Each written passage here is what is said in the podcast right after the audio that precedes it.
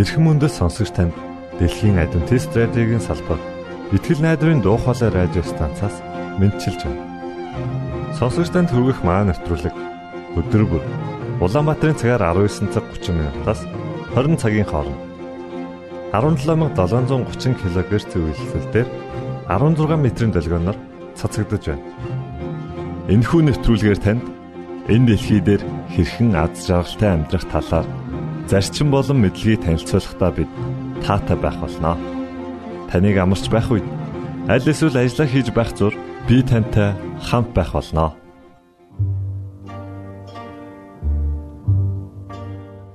Өнөөдрийн дугаараар та бидний эрүүл мэнд юу бодож байгаатай маань холбоо хамааралтай юу гэдгийг олж мэдэх болно. Харин уран зохиолын цагаар Арчи хүүгийн багын мөрөөдөл түүний гэр бүлийн хүмүүс хэн байсан? Мөн түүний амьдралын талаар хамтдаа сонсох болно. За ингээд танд нэвтрүүлгүүдэд хүргэж байна.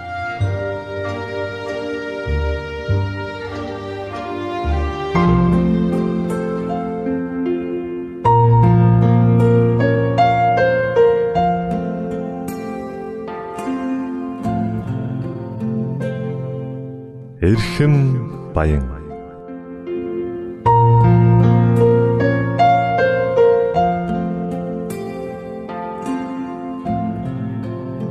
эрүүл амьдрах арга ухаан зөвлөмж тайлбарыг хүргэдэг эрхэм баян нэвтрүүлгийн шин дугаар эхэлж байна.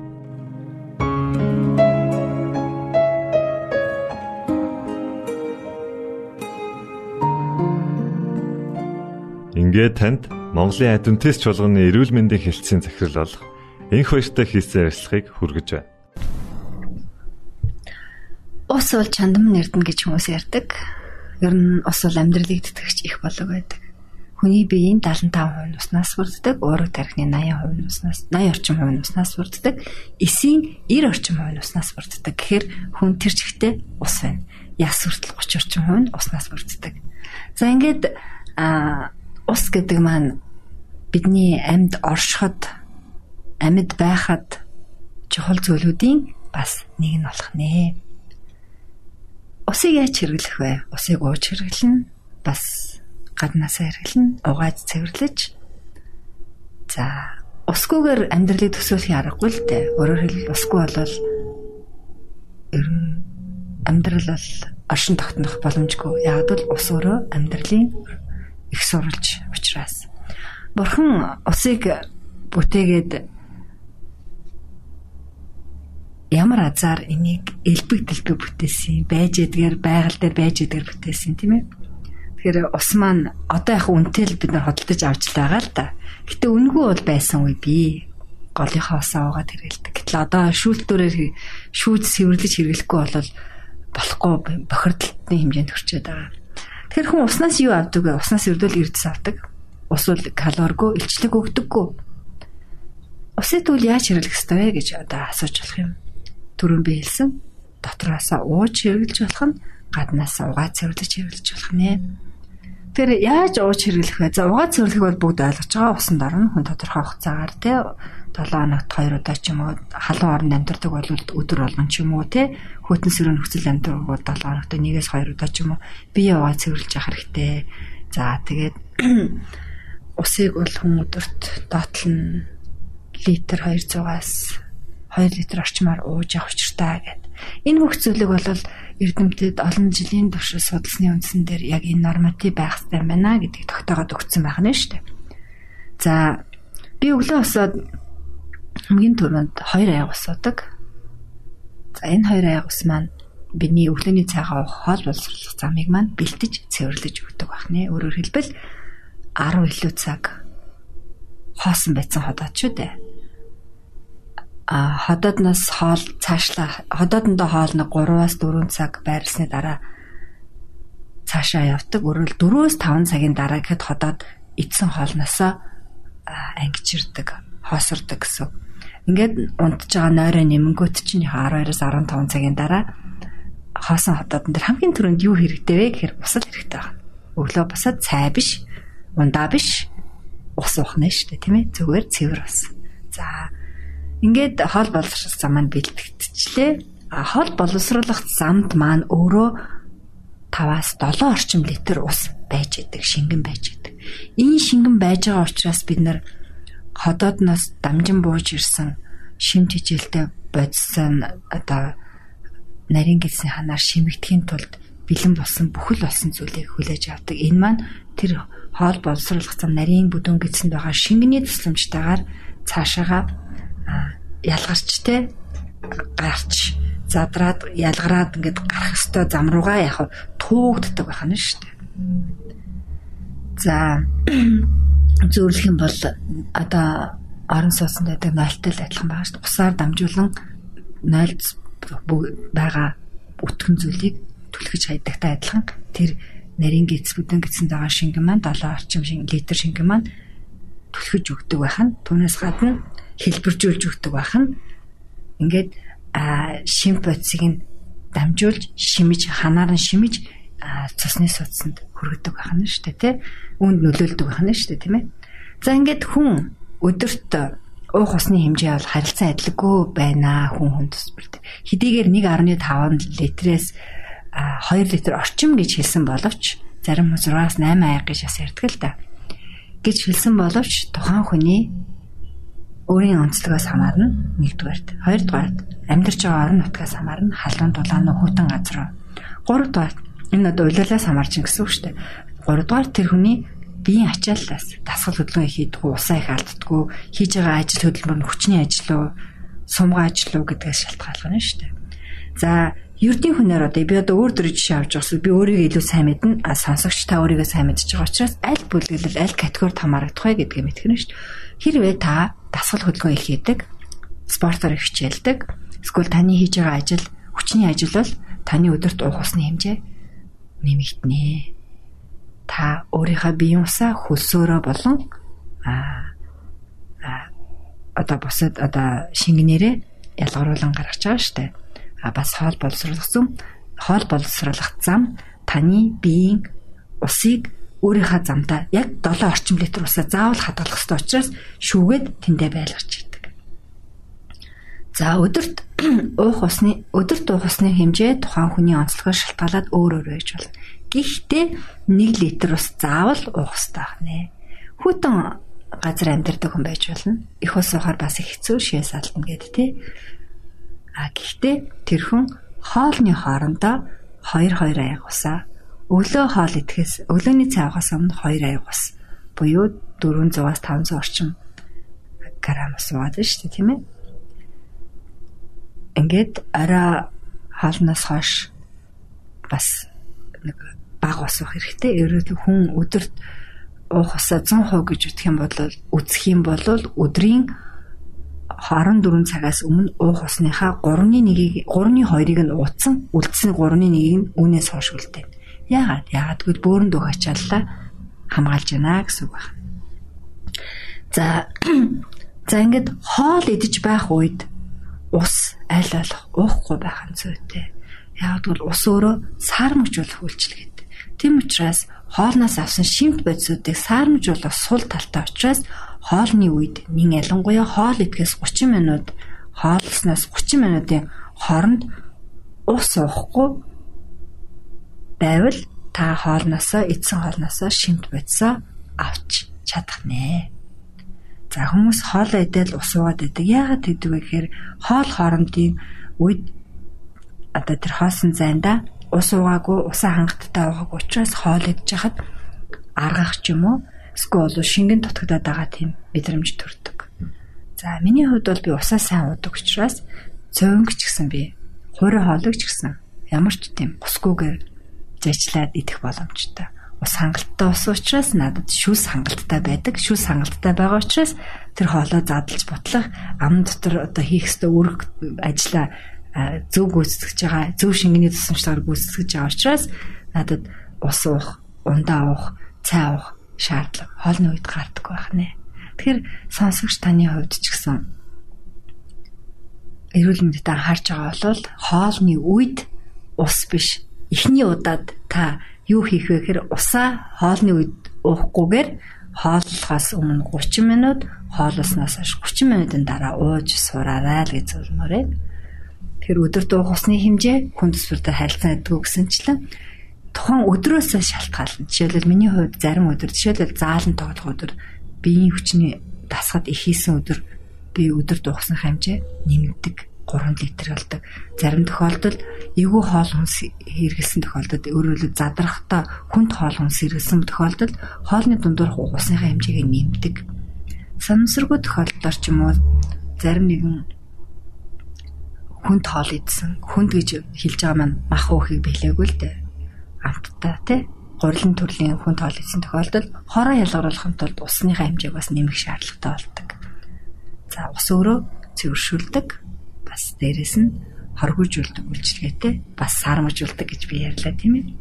Тэр усны хэрэглээ гэдэг маань зөвхөн уухаар хязгаарлагдахгүй усанд орох усыг бас эмчилгээний журмаар хэрэглэх гэдэгт бас орох нэ.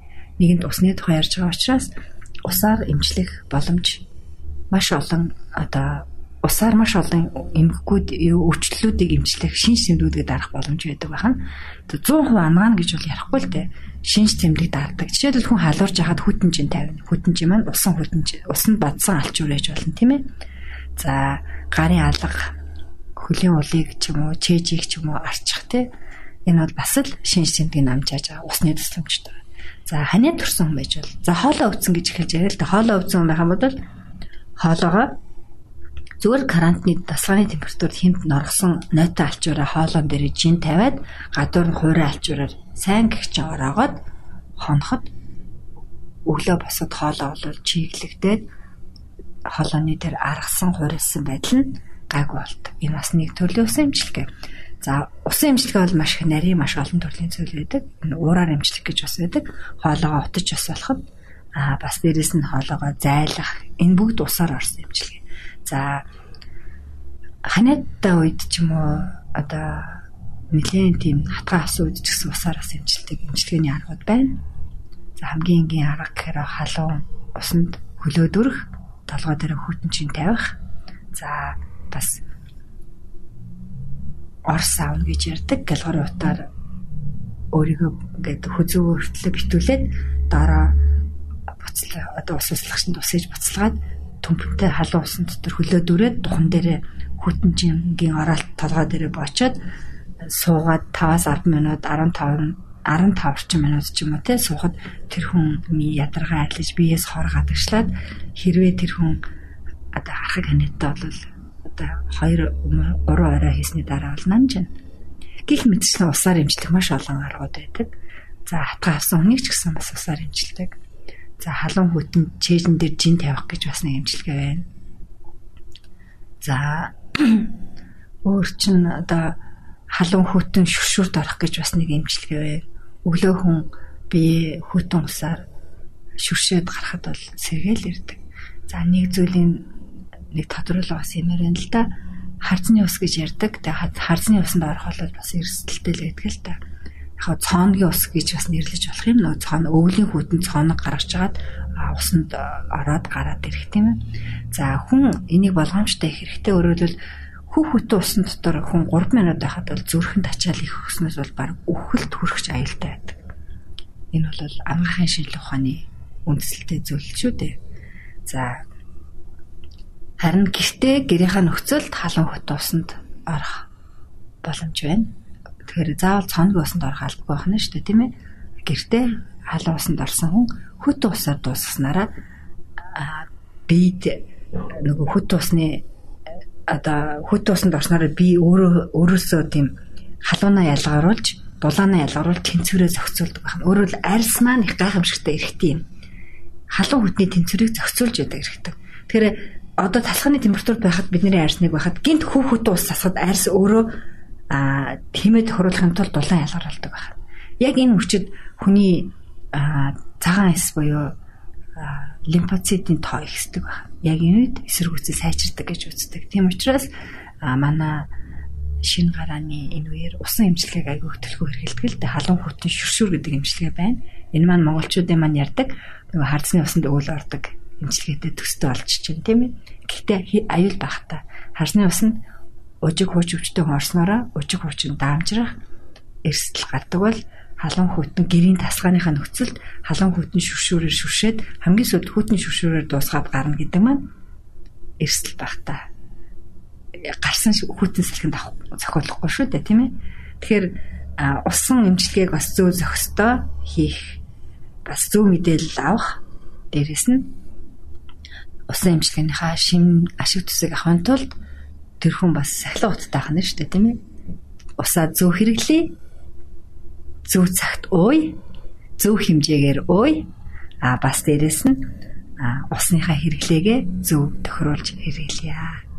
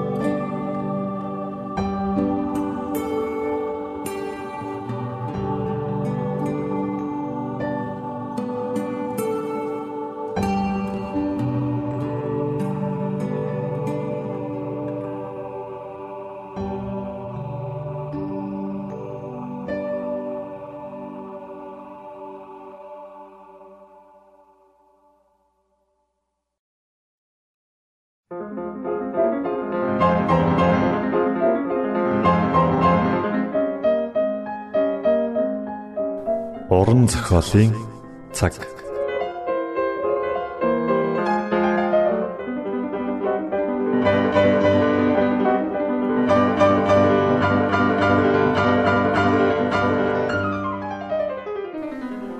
Уран зохиолын цаг нэвтрүүлгийн шин дугаараар уулзж байгаадаа баяртай.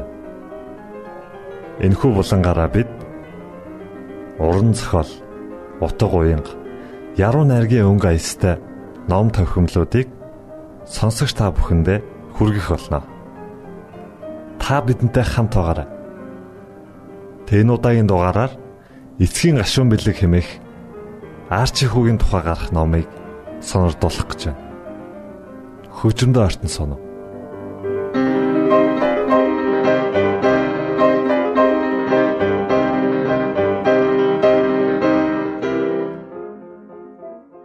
Канадын Саскачеван, Миаг, Паркд хойноос тасаар их хүчтэй шуурч Самуэль Шиповкийн хашаа хаалганы хажууд их цас сонгорлон тогтсон байв. Салхил салхил тэгсэн ч надад хүрч чадахгүй юм чинь гэж Арчигийн эцэг өглөн суу. Самуэль өөрийн барьсан хоёр өрөө байшингийн хар бишэн дээр Борш Вереника халав. Анх хойд Саскачеван нутагт хөл тавихад хуучин амьдарч байсан Шиповик шиг байсан бол Одоо түнд яг л Сибирь нутаг шиг санагдах болжээ. Тэр пишингээ онгойлгон мод нэмэв. Түүний өрөөний нэг өнцөгт мод хураажээ.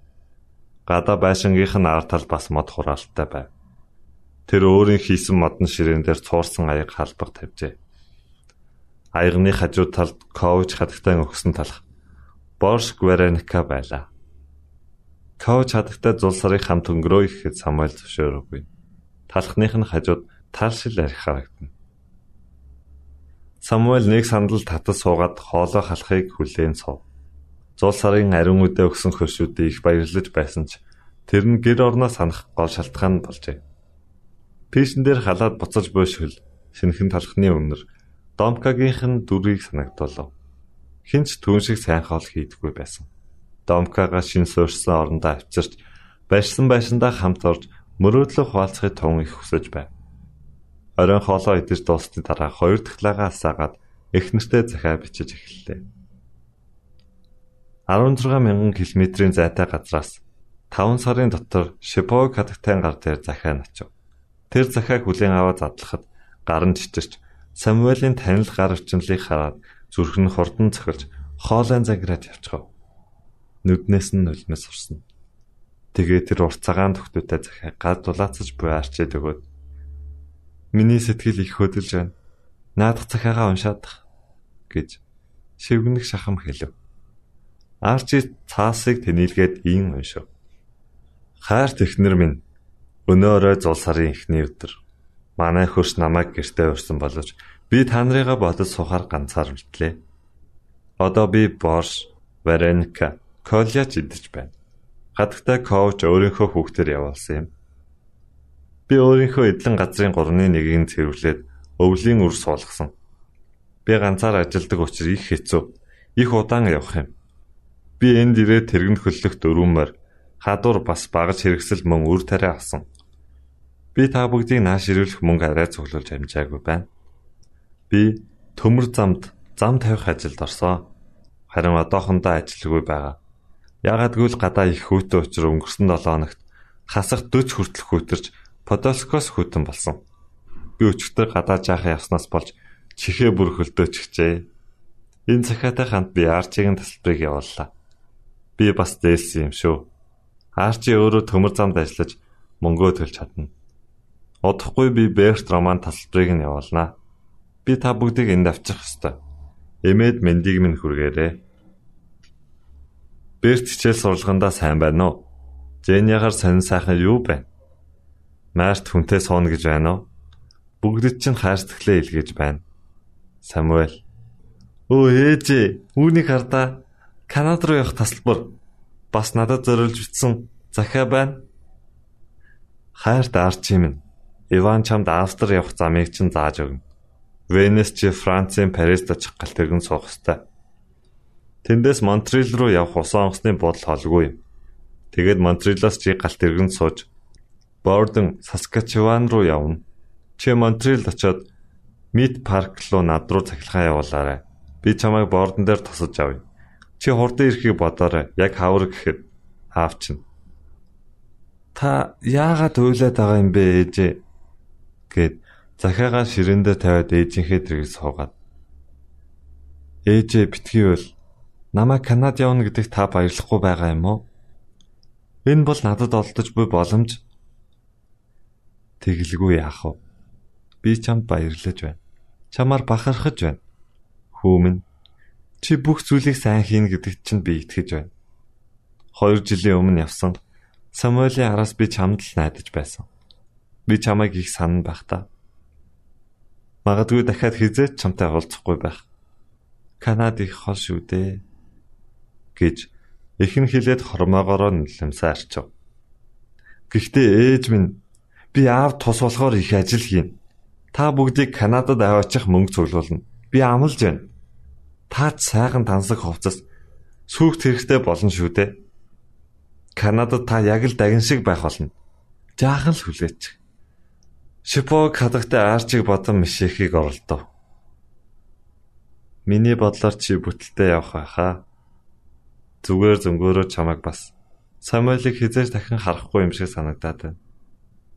Надад яах ч арга алга. Би зөнгөөрөө мэдэрч байна. Тэгээд Арчи ихийгээ тэрврээд нулимс болсон хаццыг нунсав. Арчи Канадад очсон байхад амьдрал цэцгэлнэ. Би одоо Ивантай очиж яаж явах талаар ярилцъя. 2 цагийн дараа Арчи зурмал газрын зураг гартаа барьсаар орж ирэв. Унграас Австри руу яаж хурдан очих талаар заалгажээ. Тэгээд зурга ширээн дээр тавиад өдрийн гэрэлд хөөр баяр болсон дүүнийхээ хажууд замаа төлөөлөж эхлэв. Иван хэлэхдээ намайг одоо явах нь зүйтэй гэсэн.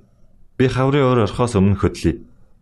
Замд шавар шалбааг болоод явхад их хэцүү голгоор хайлз гатлахж хэцүү болчихно. Харин одоо явбал мөсөн дээгүүр гараад явчихна гэж Арчи хэлв. Австр холоо гэж Рома асуув. Хэрвээ нисвэл 480 км-ийн зайтай. Харин би уулд авах болохоор илүү хол зам толох байх гэж Арчи хариулв. Дандаа алхасаар байгаад очих юм уу гэж Жэни гайхсан байдалтай асуув. Хажуу тосхны хүмүүс даваа гарагт явхад нь хамт явж болно гэж Иван хэлсэн. Тэр Брегово орно. Тэндээс хил рүү алхахад хэдхэн мод газрын зайтай. Би тэдэнтэй яваад Унгарын хил даваад тариаштай зах руу явах унаа суугаад авчихж болно. Би Венэ 7 хоногийн дотор очих байх. Би их азтай байна. Эс тэгвэл цагаагаарс болон 3-7 хоногч болж мэднэ. Ариун их чамайг ивэх болтугай гэж Шипог хатагтай хэлээд аавын ажлын ширээн дээр байдаг инээмсэглсэн хүний дүрс рүү хараад адислав. Тэр үед Арчи Есүсийн инээмсэглэж буй их рүү харав.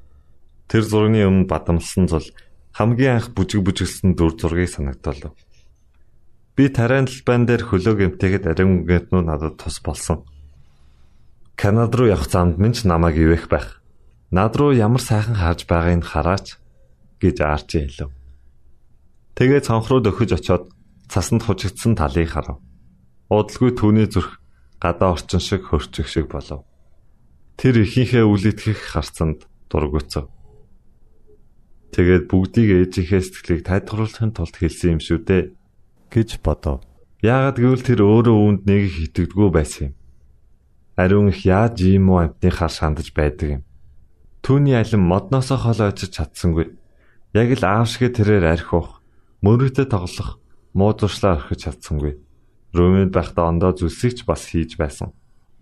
Нь мэдүүлж ичгээр юм байсан. Тэгээд эхийнх нь хайр, итгэл бодлыг нь яг хутгаар зүснэнтэй адил арилгана. Би юу юм бэ гэхлээр би нэг модносоо л үндсээ авсан алим шүү дээ гэж арчи бодов. Би яаж ийм адилхан болсныг ээж маань битгий мэдээсэ. Чамайг явхад зам чинь ариун их үргэлж харж байх болтугай хүмүн гэж Шипог хатагтай намжлаад наадах газрын зураг одоо оройн хоол идэх цаг болчихлоо гэв. Та уран зохиолын цаг навтруулгийг бүлээн авч сонслоо. Дараагийн дугаараар уулзтлаа. Түр баярлалаа.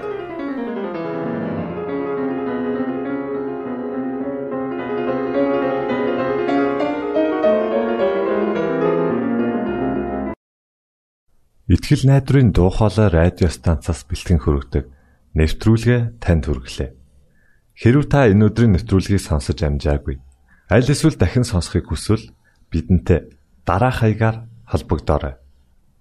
Facebook хаяг: Латин үсгээр Монгол заавад AWR Имэйл хаяг: mongol.awr@ gmail.com Манай утасны дугаар 976 7018 24 9 Шуудангийн хаяцаг 16 Улаанбаатар 13 Монгол улс Биднийг сонгон цаг зав аваад зориулсан танд баярлалаа. Бурхан таныг ивээх болтугай.